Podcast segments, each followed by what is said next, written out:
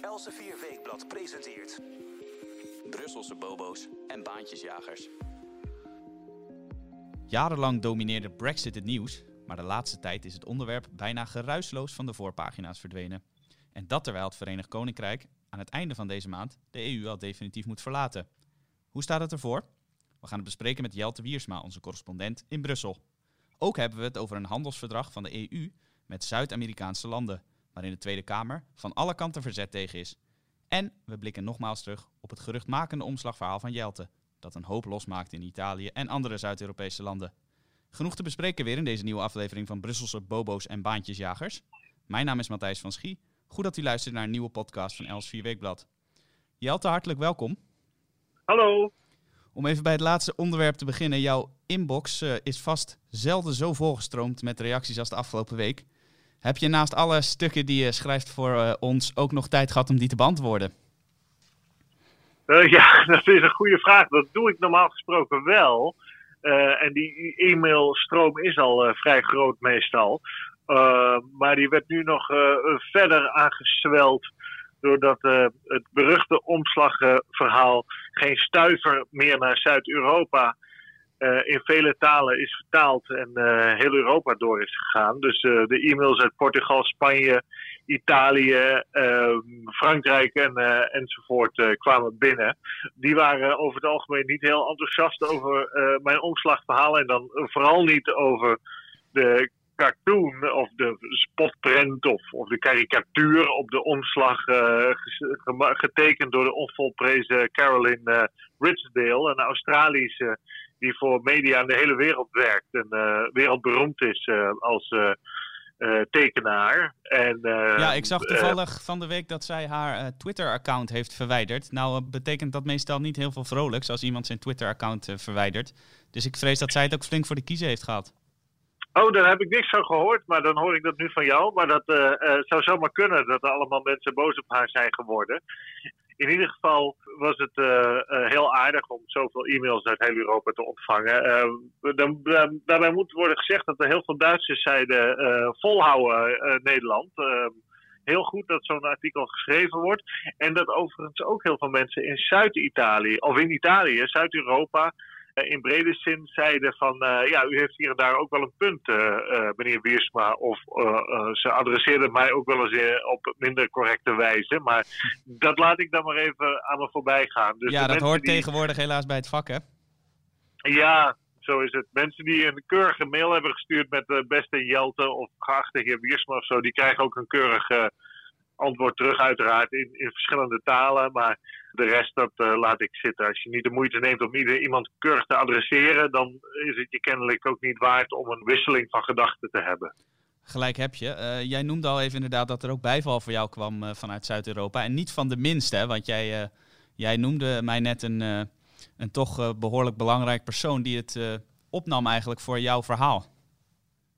Ja, de president van de Italiaanse centrale bank, de Banco d'Italia, dat is Dottore Fisco, die heeft uh, vorige week zijn uh, jaarpresentatie gehouden. En dan kijkt hij terug op het jaar en dan maakt hij een, uh, een, analyse van wat de bank allemaal heeft gedaan en of dat iets heeft geholpen. En de sterktes en zwaktes van de Italiaanse economie.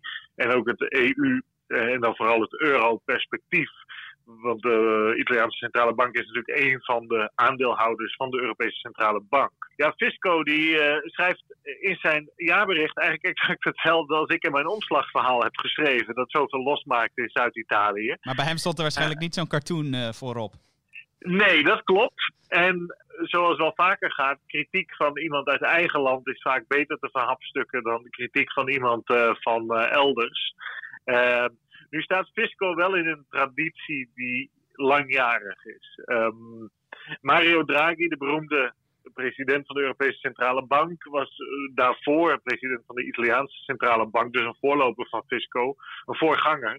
En die zei elke keer hetzelfde, zowel als bankpresident in Italië als bankpresident van de ECB die zei elke keer van de kern uh, van het verhaal is, ja, we kunnen wel geld uh, blijven pompen in een economie, maar als er geen structurele hervormingen worden doorgevoerd, dan gaat de verdiencapaciteit van zo'n economie niet omhoog. De concurrentiekracht neemt niet toe. En dan ben je water naar de zee aan het dragen. Dat zegt Fisco nagenoeg letterlijk in zijn jaarrapport uh, dat hij heeft gepresenteerd. Het is uh, online heel eenvoudig te vinden in een prachtige Engelse vertaling voor wie het Italiaans niet beheerst. Nou, kunnen we een linkje uh, plaatsen in de beschrijving van deze podcast? Goed dat je het zegt. Ja, laten we dat zeker doen. Um, er staat ook uh, keurig bij dat de schuldpositie, zoals ik vaak heb beweerd en in het omslagverhaal ook nog eens heb beweerd, van Noord-Europa in heel veel opzichten veel groter is dan van Zuid-Europa. En hij noemt dat nog eens expliciet. Hij gebruikt wat andere cijfers dan ik gebruik, maar de trend is hetzelfde dat de huishoudens in Zuid-Europa veel minder schuld hebben dan Noord-Europese huishoudens. Dat ook uh, Zuid-Europese bedrijven, dat zijn vaak familiebedrijven, minder schuld hebben dan Noord-Europese bedrijven, die veel meer werken met private equity en dat soort durfkapitaal. En dat het vermogen in uh, zeker Italië om veel meer uit de economie te halen aanwezig is door te hervormen. Uh, en dan gaat het vooral om uh, het wegsnijden van allerlei bureaucratie. Verbeteren van het onderwijs. Veel meer investeren in onderwijs. Italië investeert maar de helft van het gemiddelde in de Europese Unie aan onderwijs. Dan krijg je geen goed opgeleide beroepsbevolking. En dan, dat krijg je gewoon terug. En nou, zo heeft hij een hele lijst van adviezen. Van zaken waarbij hervormd moet worden waarbij uh, eigenlijk helemaal geen geld nodig is per se. Uh, hij zegt ook letterlijk, ja, uh, het is wel aardig om nu allemaal geld te gaan uitgeven. En dat heeft kortstondig wel even effect om de coronacrisis, lockdown, schade enigszins te temperen. maar op lange termijn heeft het helemaal geen zin.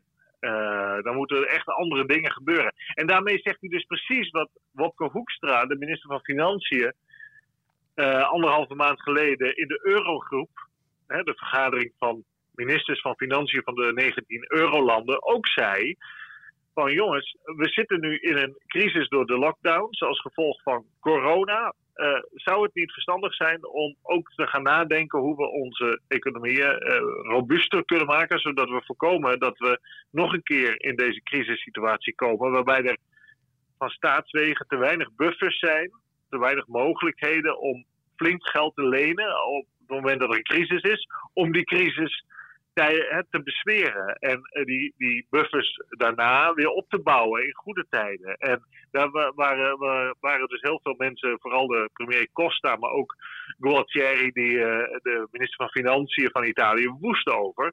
Maar hun bank, de bankpresident van Italië zegt exact hetzelfde. Dat zijn natuurlijk gewoon wijze woorden. Het is ook goed gemeend in die zin van jongens, doe wat de blauwdruk eigenlijk voorschrijft. Je weet hoe het moet.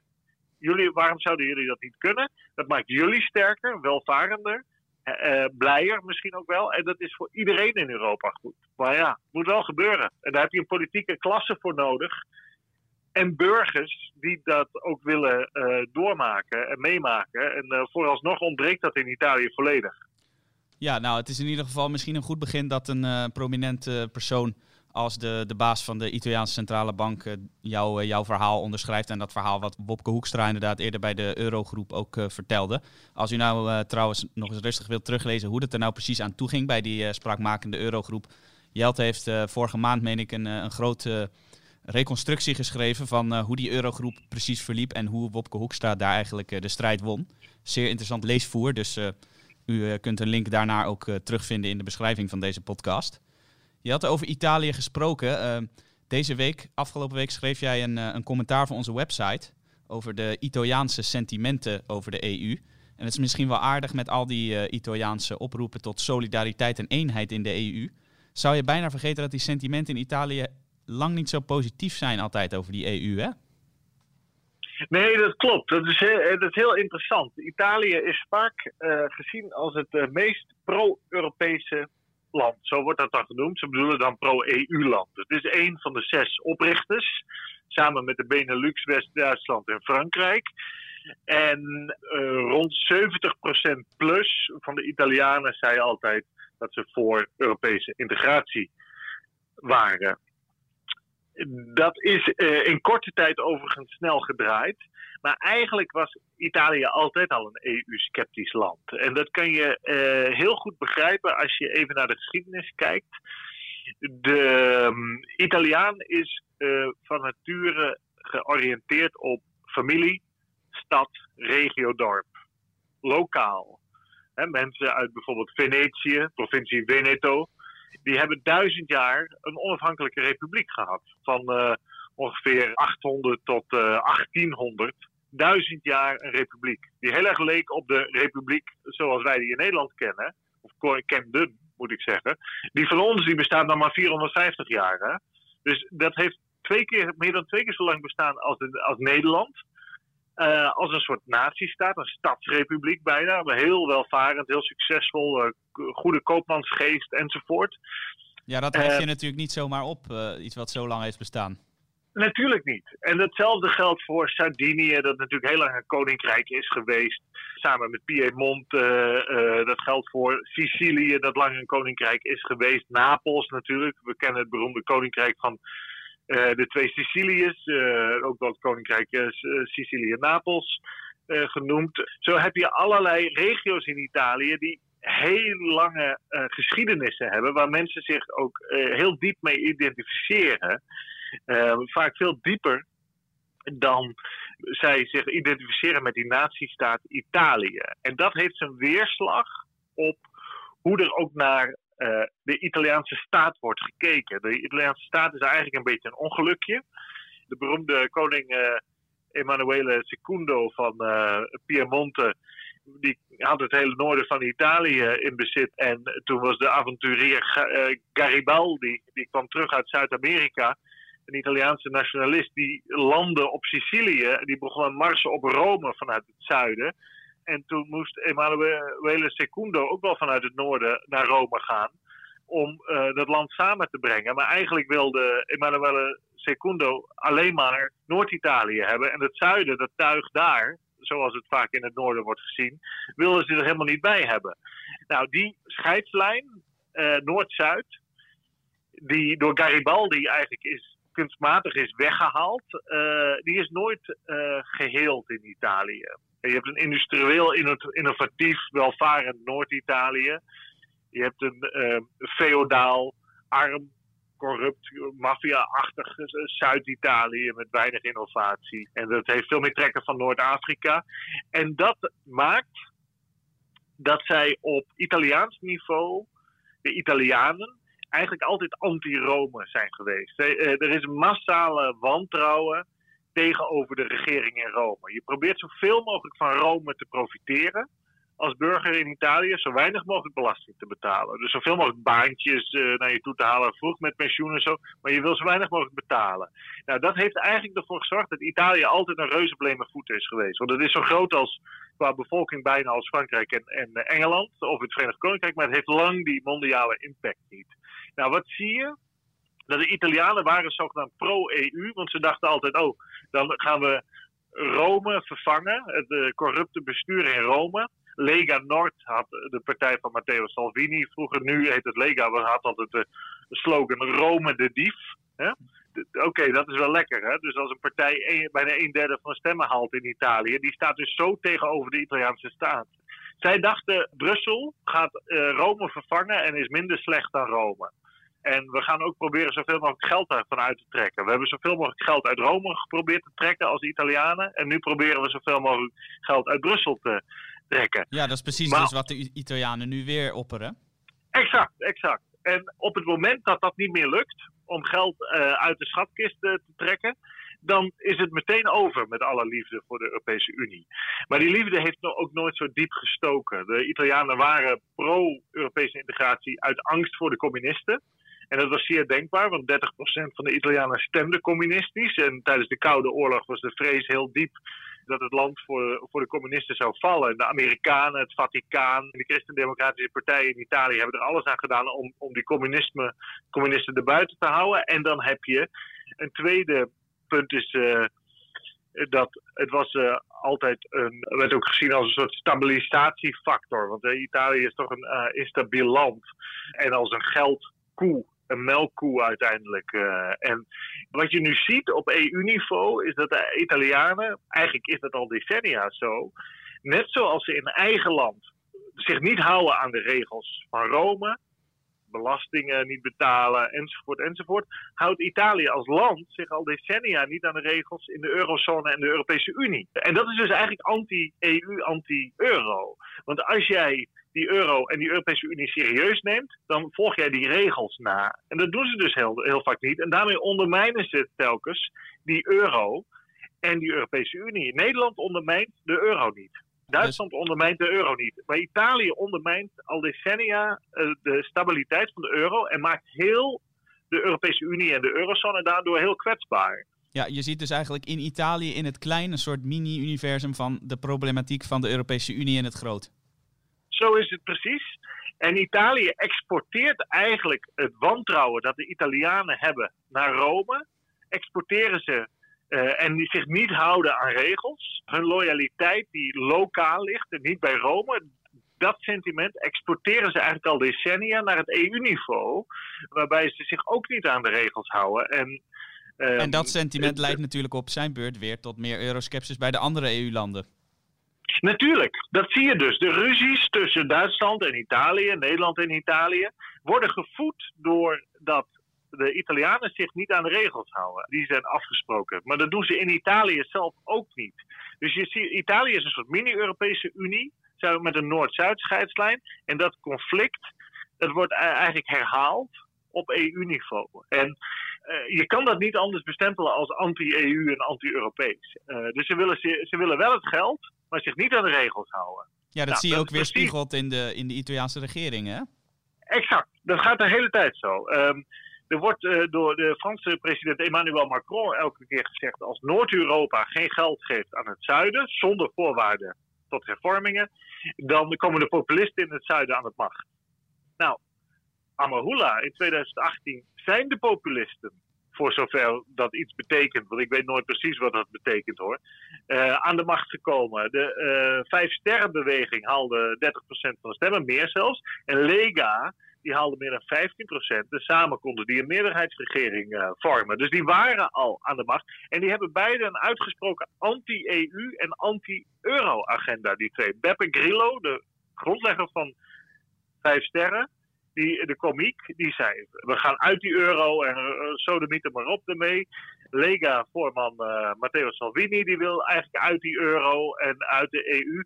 Ze hebben zich wel enigszins in hun retoriek teruggetrokken op het moment dat ze weer in de regering zaten. Maar het was wel zo. De commissie, de Europese Commissie, scheidsrechter van de euroregels en de EU-regels, die zei: Nou, als jullie je niet aan die euroregels houden, dan sturen wij een brief en dan krijg je dus straks boetes. En dan, toen zei de Italiaanse regering, Lega 5 sterren, stuur die brief maar, dan verscheuren we hem.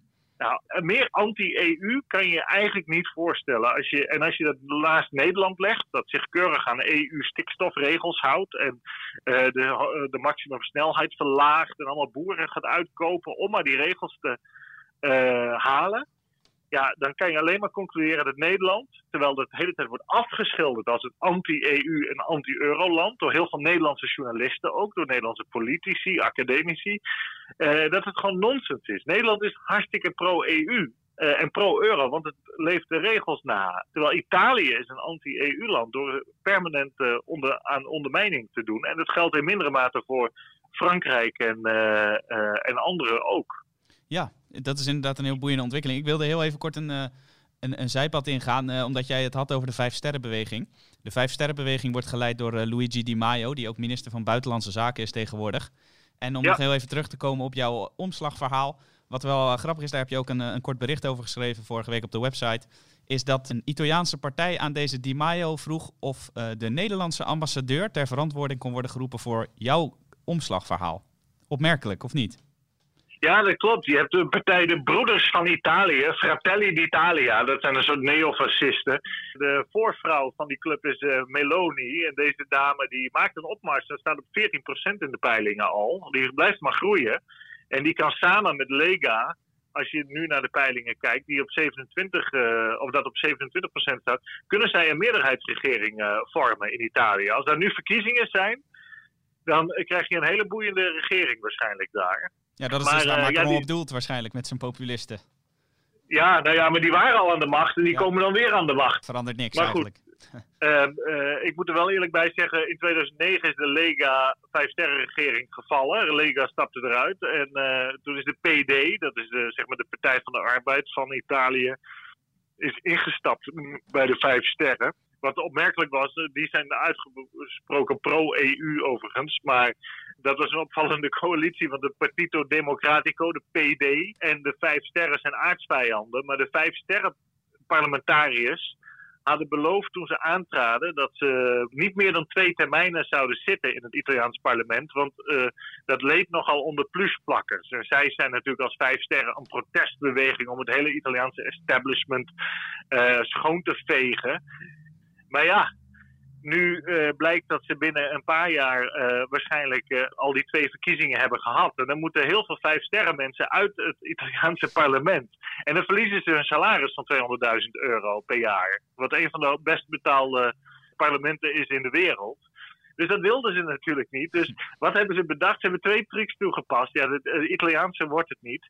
De vijf sterren mensen zeiden ja, maar we, met twee termijnen, dan beginnen we te tellen bij nul.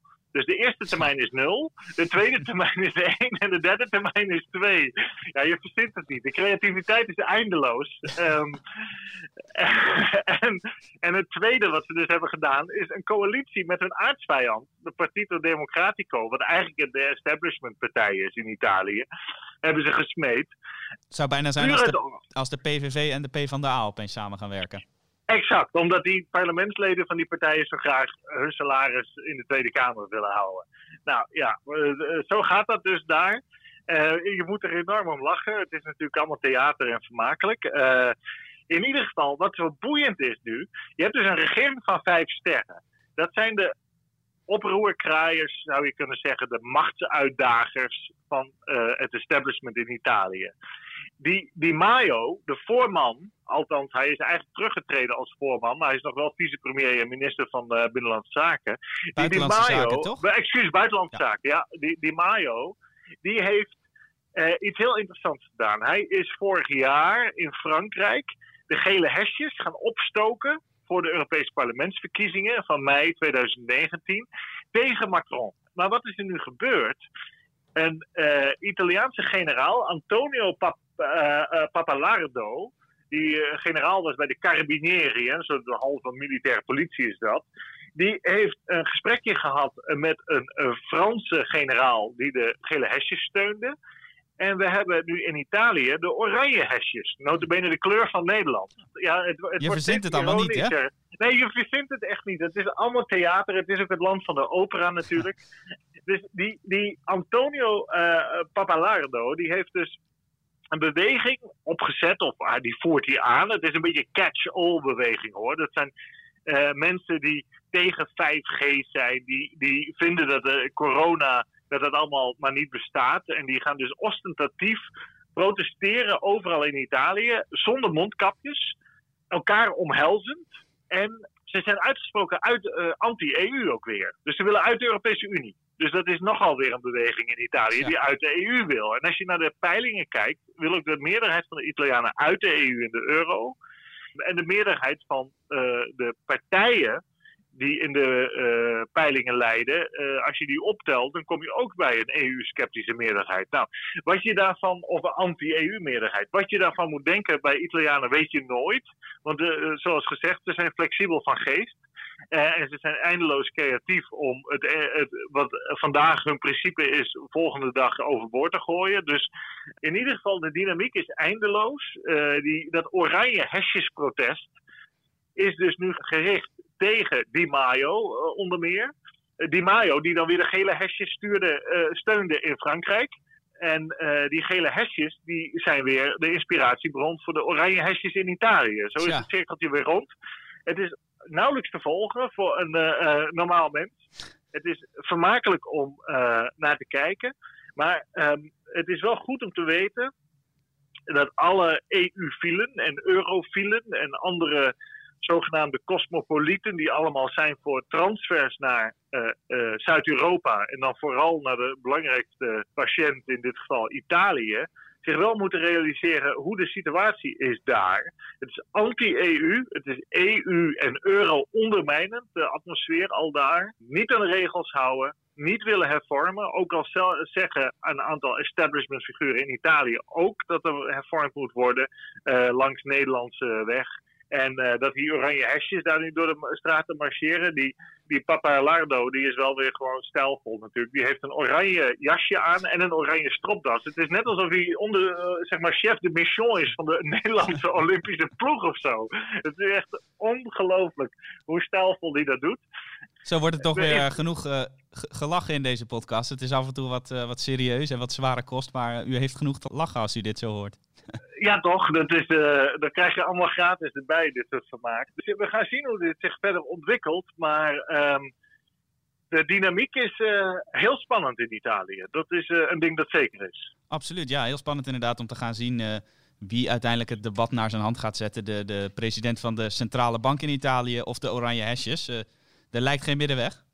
Uh, we hebben het net uitgebreid gehad over euroskepsis en EU-skepsis. Nou, dan kunnen we natuurlijk eigenlijk niet om het Verenigd Koninkrijk heen. Ik zei het al aan het begin van de intro. Dat is natuurlijk uh, een onderwerp dat door alle uh, corona-perikelen en Italië-perikelen misschien wat naar de achtergrond is verdwenen. Maar niettemin heel belangrijk. Aan het einde van deze maand, 30 juni, moet het Verenigd Koninkrijk definitief de EU hebben verlaten. Of is er toch nog een verlenging mogelijk, zoals er al zoveel van zijn geweest? Ja, dat kan natuurlijk wel. Uh, het is een beetje gebed zonder eind, de brexit natuurlijk. Uh, mensen vragen mij ook wel eens, uh, die brexit die is toch nu gebeurd of afgelopen of gedaan? Nou, dat is niet zo en wel zo. Mm, wat is er gebeurd in december 2019? Heeft Boris Johnson, de aanvoerder van de Britse conservatieve partij, de Britse verkiezingen met overmacht gewonnen. Um, zijn slogan was Get Brexit Done nadat er jarenlang discussies zijn geweest in het Britse lagerhuis en ze daar maar geen meerderheid konden vinden voor wat voor brexit dan ook. Nou, uiteindelijk Johnson heeft uh, na zijn verkiezingsoverwinning meteen een regering kunnen smeden en uh, per 1 februari is het Verenigd Koninkrijk geen EU-lid meer. Ik was bij het aftelmoment in Londen, waar onder meer mensen zoals Nigel Farage en anderen die altijd gestreden hebben voor Brexit vierde dat de Britse onafhankelijkheid was hersteld. Dat was een beetje te vroeg uh, gejuicht, want tot en met 31 december dit jaar is het Verenigd Koninkrijk effectief nog lid van de Europese Unie. Niet in de hoedanigheid als lid dat stemrecht heeft, of Europees, een Europese commissaris levert, of Europees parlementsleden, of, nee, eh, of iets anders. Nee, maar ze zijn wel nog uh, lid in de zin van dat ze deel zijn van de interne markt van de Europese Unie. Dat ze vallen onder de jurisdictie van het Europees Hof van Justitie in Luxemburg, enzovoort, enzovoort, enzovoort. Dus zij zitten nog helemaal in de brei van EU-regels. Uh, en daar betalen ze ook aan mee. Ja. Wat is er afgesproken door Johnson en de EU? Dat er gaat vanaf 1 februari, de Brexit-dag, uh, onderhandeld zou worden over een akkoord voor na 1 januari 2021, dus volgend jaar. En uiterlijk op 30 juni dit jaar moet worden besloten of de onderhandelingen voldoende zijn gevorderd en dat er misschien een akkoord in zicht is of niet, dat kan ook. Maar of een van de twee partijen, de EU of het Verenigd Koninkrijk, het huidige arrangement, waarbij het Verenigd Koninkrijk dus eigenlijk nog in de EU zit, wil verlengen met één of twee jaar. Nou, Johnson heeft gezegd dat wil ik absoluut niet. En de, de vrees is geweest bij velen dat hij uh, daar uh, flexibel in zou zijn. Maar dat lijkt nu toch niet zo te zijn. En vanaf 30 juni gaat de klok waarschijnlijk tikken. En kan het zomaar zijn dat het Verenigd Koninkrijk zonder wat voor overeenkomst dan ook uh, afscheidt van de Europese Unie. Ja, dat is, lijkt mij voor de Britten best een, een, spannende tijd. En toch schrijf jij, ondanks dat die vrees er is voor die Brexit zonder deal, is het een zegen dat Johnson zegt ik ga niet verlengen. Dat schrijf jij in een commentaar op onze site. Waarom is dat nou een zegen voor de Britten en misschien wel ook voor anderen? Nou, voor, om een paar redenen. Het belangrijkste is dat het Verenigd Koninkrijk moet uit de Europese Unie als het wil bewijzen dat het buiten de Europese Unie economisch beter af is dan in de Europese Unie. Dat, hebben, dat is elke keer het argument geweest van de Brexiteers, onder wie Johnson zelf. Die hebben gezegd van, luister, die interne markt van de Europese Unie, dat is een wurggreep voor de economie. Kijk naar de cijfers. Uh, sinds die interne markt is geïntroduceerd in 1993, zie je dat de economische groei in de Europese Unie landen afkalft ten opzichte van, of minder, minder snel is dan bijvoorbeeld in de Verenigde Staten van Amerika of andere grote blokken. Uh, Johnson die zei altijd: we hebben de laagste economische groei in de EU, na alleen Groenland uh, uh, groeit langzamer. Nou, dat was een beetje overdreven, maar er zit wel een kern van waarheid in als het Verenigd Koninkrijk een soort handelsverdrag met de Europese Unie zou sluiten, waarbij het Verenigd Koninkrijk deels onder de EU-regels blijft vallen, dan hou je altijd dat zij nooit helemaal vrij kunnen opereren op de wereldmarkt en, en kunnen laten zien, bewijzen, dat het wel degelijk mogelijk is om als land met de grootte van het Verenigd Koninkrijk perfect te kunnen functioneren, economische welvaart te kunnen creëren voor je burgers. Dus daarom is het, wat mij betreft, beter dat ze er dan helemaal uitgaan. Nou, dat kan heel goed gebeuren, want de coronacrisis heeft ervoor gezorgd dat eventuele disruptie van de economie in het Verenigd Koninkrijk en aan de EU-kant door een zogenaamde harde brexit, waarbij de tarieven over en weer geheven zullen worden en grenscontroles zullen worden ingesteld, dat dat eigenlijk in het niet lijkt te vallen. De schade is zo groot, het gaat om zoveel miljarden euro's, tientallen, honderden, duizenden miljarden wordt over gesproken, dat in die brei van geld valt eigenlijk de onderhandelingspositie van Boris Johnson als sterker te beoordelen nu dan, dan hij was. Want hij kan gewoon zeggen, ja, als, als, we er, als we zonder akkoord met het, uit de Europese Unie stappen vanaf 1 januari 2021 en er is economische schade daardoor aan weerszijden, dan kan hij altijd zeggen: ja, maar dat komt door corona. Ja, dus uh, eigenlijk uh, naar de befaamde uitspraak van uh, Boris Johnson's grote voorbeeld Winston Churchill: Never waste a good crisis. Dat hebben we in de coronatijd natuurlijk op allerlei politieke maatregelen kunnen toepassen. Maar dat is op deze situatie voor Johnson dus zeker van toepassing. Absoluut. En Phil Hogan, dat is de Ierse eurocommissaris voor handel. Een hele joviale kerel. Die, die zegt ook, Johnson zal de schuld geven aan corona als er economische schade is. Dus wat gaan we zien? Er komt deze maand nog, althans dat was gepland, maar er is nog steeds geen datum, een high-level meeting tussen de EU en dan vooral Michel Barnier en zijn team uh, dat is de, de, Fransman die namens de EU onderhandelt. En David Frost en zijn team, die, dat is de diplomaat die namens het Verenigd Koninkrijk onderhandelt. Waarschijnlijk met aangevuld met toppers onder wie Johnson zelf, Michael Gove. Uh, en van de EU-kant uh, zal het dan onder meer Phil Hogan zijn, mogelijkerwijs. Ursula von der Leyen, de, de Duitse commissiepresident. En anderen, uiteraard in ruggespraak met de toppers aan EU-kant, Merkel en Macron om te kijken of er nou verlengd gaat worden of niet.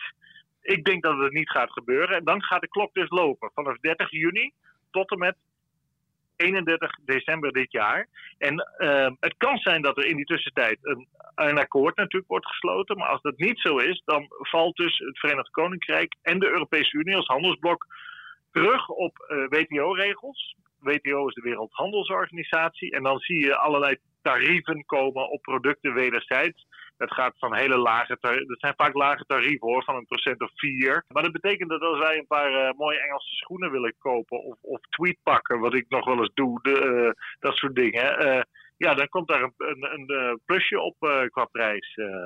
en andersom geldt het ook. Als een, de Britten die zijn dol op Duitse auto's. Als ze die willen kopen, dan komt daar mogelijk een plusje op. Alhoewel, het Verenigd Koninkrijk kan ook eenzijdig zeggen: wij gaan helemaal geen tarieven uh, heffen. Uh, dat zeggen sommigen. Die zeggen laat alles maar gewoon tariefvrij binnenkomen bij ons. Uh, heel, heel spannende ontwikkeling, een beetje ondergesneeuwd door corona. Ook omdat die onderhandelingen nu minder dramatisch zijn. Hè. Er wordt onderhandeld via videoconferentie. Dus er is nooit echt een dramatisch moment met mensen die een gebouw uitlopen in Brussel met zagrijnige gezichten of zo. Met een hele uh, perscore dat quotejes, uh, citaten wil halen en ingewikkelde vragen stelt. Dat is allemaal een beetje in stilte. Dus, maar dat betekent niet dat het minder belangrijk is. Ja, spannend om te gaan volgen inderdaad. het laatste woord daarover is vast nog niet gezegd. We, we, gaan het volgen en als die top inderdaad die jij noemde plaatsvindt, dan hoort u daar uiteraard in deze podcast meer over.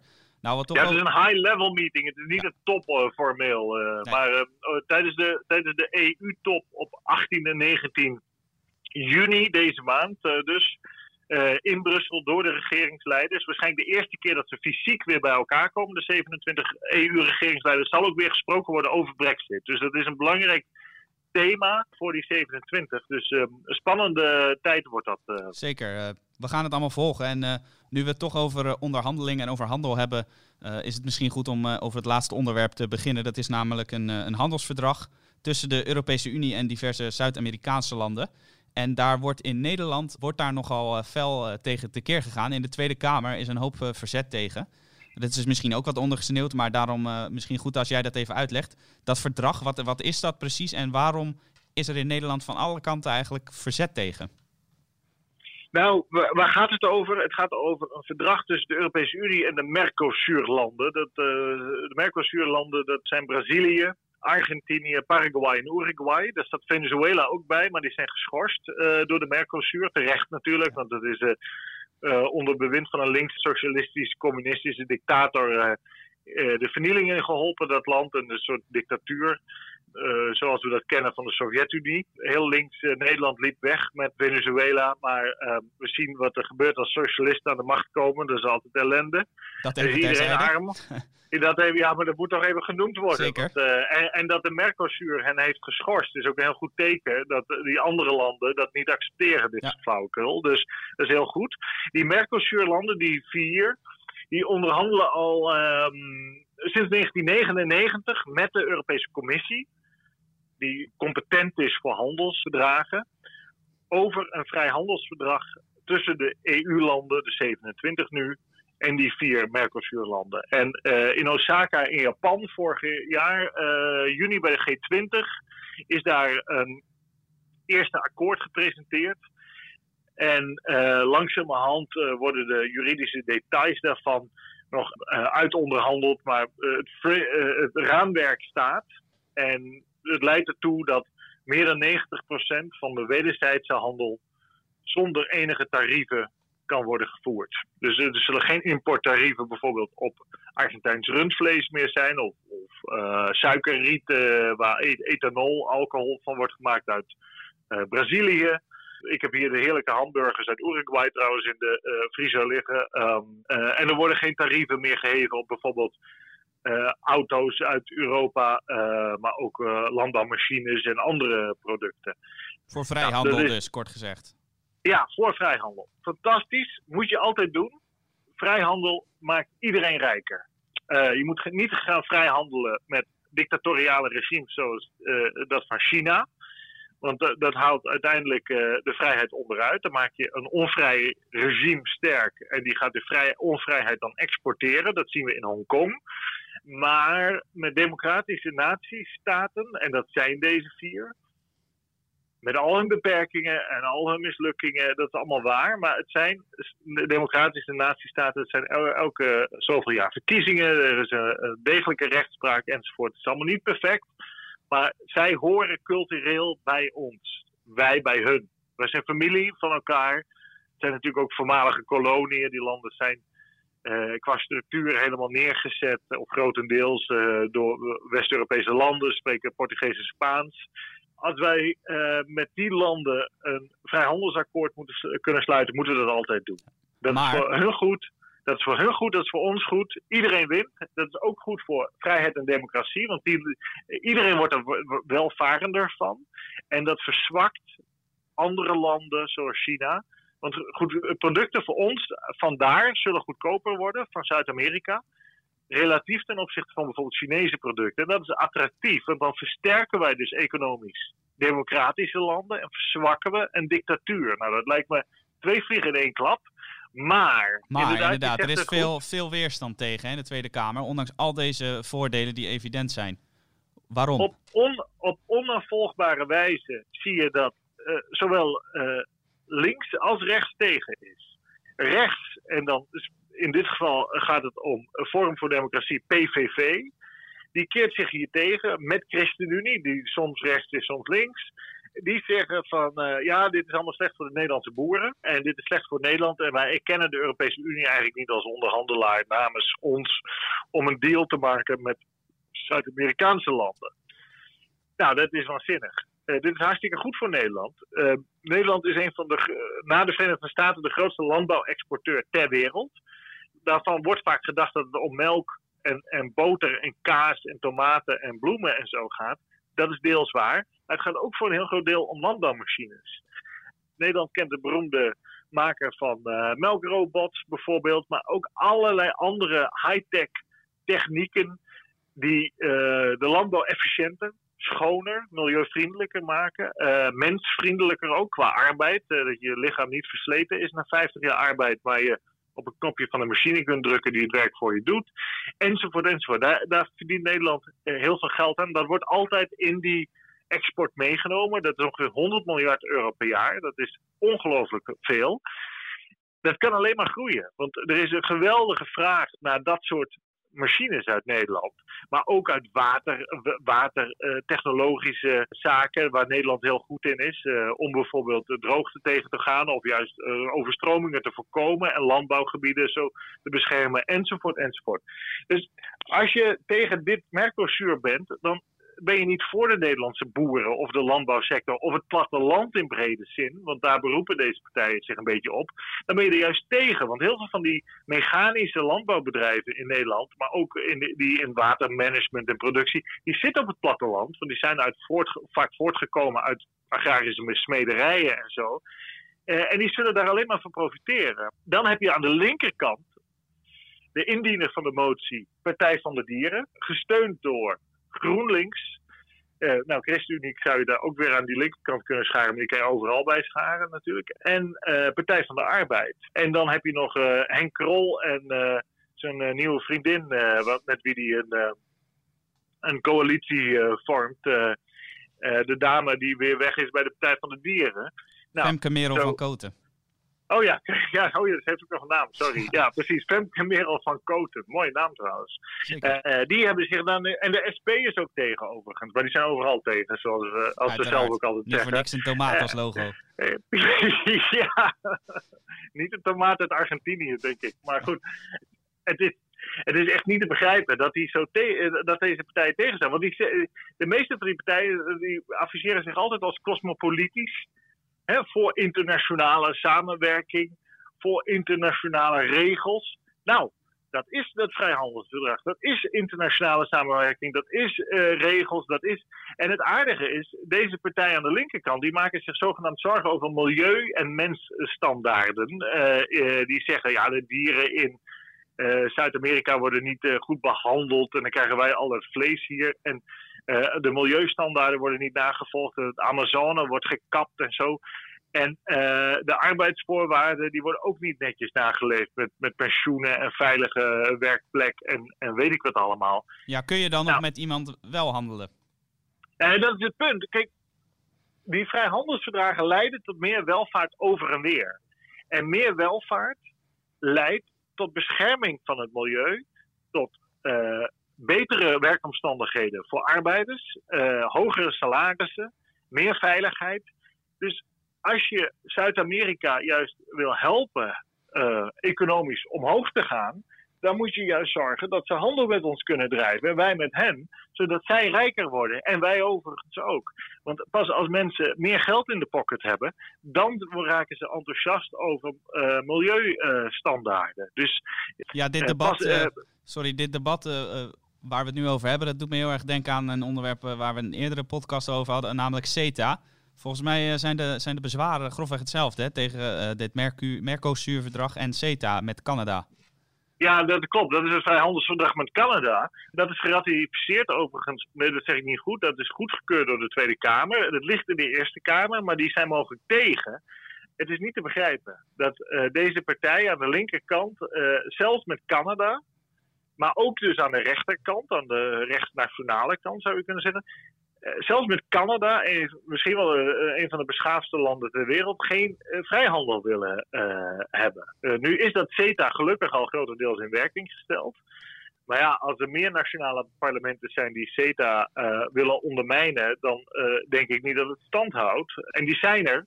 Uh, we weten van het Mercosur-verdrag dat Ierland heeft een soort gelijk motie aangenomen, zoals de Partij van de Dieren die dinsdag hier in Nederland heeft ingediend en die dus is aangenomen.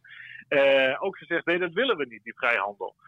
Voor mij is het werkelijk wel onbegrijpelijk. Je gaat in tegen de belangen van Nederland. Je ondermijnt eigenlijk het krachtigste wapen dat de Europese Unie heeft dat is handelsverdragen sluiten en daarmee hogere standaarden afdwingen in niet-EU-landen. Dus als jij pro-EU bent, dan, uh, zoals de PvdA en GroenLinks uh, dat eigenlijk uh, zeggen te zijn, dan ondermijn jij hiermee diezelfde EU. Dus dan word je niet geloofwaardig. De enige die geloofwaardig is, is D66 die pro-EU is en, en dit verdrag uh, van harte ondersteunt. Dus die zijn wel consequent. Maar aan de, aan de linker en aan de rechterkant is het opportunisme tot en met. Het is ook anti-democratie, zou ik zeggen. Want je kan dus democratieën in Zuid-Amerika versterken als je zorgt dat er meer welvaart komt. Dat is, heeft uh, eerder een positief dan een negatief effect op de democratie. Je kan het welzijn van de mensen daar verbeteren. Je kan de natuur bes beter beschermen als er meer geld die kant op gaat. En dat moet je niet weggeven ze. Dan, dan verdwijnt het in corrupte zakken. Nee, dat moet je nooit doen. Geen ontwikkelingshulp. Je moet juist handel met elkaar drijven. Dat is ook goed voor hun zelfrespect. Want dan, uh, als je mooie producten verkoopt. We hebben net slippers gekocht voor ons dochtertje. Die made in Brazil. Hartstikke leuk, man. Dat is toch leuk? Dat, je, dat is positief voor Brazilië. Dat die ook trots kunnen zijn. Duitsland is trots op Mercedes. Nederland is trots op Friesland Campina. Brazilië moet, uh, die produceert veel slippers. Die moeten trots op zijn. Dat is hartstikke goed. En anders uh, worden die democratieën, die heel vaak wankel zijn misschien wel weer eens dictaturen en dan ben je verder van huis. Dus er zitten allerlei kanten aan die, wat mij betreft, het waanzinnig maken als je tegen zo'n vrijhandelsverdrag bent. Maar ik vrees niet dat het gaat lukken, Mercosur, want Oostenrijk is tegen, waarschijnlijk in Duitsland en Frankrijk klinken sceptische stemmen. Dus uh, heel treurige episode, uh, hoort geen navolging te krijgen. Helder, Jelte. Dank voor deze, deze bijdrage. En u kunt er van alles uh, over lezen op onze website, want een uh, commentaar van de hand van Jelte dat verschijnt uh, dit weekend ook op onze website. normaal gesproken zeg ik tegen u volgende week, maar volgende week ben ik zelf een weekje met vakantie, dus ben ik er niet. Maar niet getreurd, de bijdrage van Jelte, de veel gelezen bijdrage van Jelte, kunt u natuurlijk komende week gewoon lezen op onze website. Want Jelte is een soort machine die, die blijft schrijven en die blijft ons verrijken met allerlei interessante en lezenswaardige stukken. Dus niet getreurd daarvoor. Uh, namens ons beiden uh, wil ik u hartelijk danken voor het luisteren. En wensen wij u uh, in deze coronatijden het allerbeste toe. Tot de volgende keer. Hartelijk dank Jelte. Daarmee zijn we aan het einde gekomen van deze podcast. Mijn naam is Matthijs van Schie en ik wil u ook hartelijk danken voor het luisteren. Bent u nou benieuwd geworden naar de artikelen die we zojuist hebben besproken in deze podcast? Die kunt u allemaal lezen in Els 4 Weekblad of op onze site. Voor een abonnement waarbij u ook onbeperkte digitale toegang krijgt, kunt u surfen naar www.elsvierweekblad.nl. Daar kunt u zich ook abonneren op onze podcastseries. Dat kan ook door in uw favoriete podcast-app, bijvoorbeeld Spotify of iTunes, te zoeken op Els Vierweekblad. Dit was het voor nu. Graag tot de volgende keer.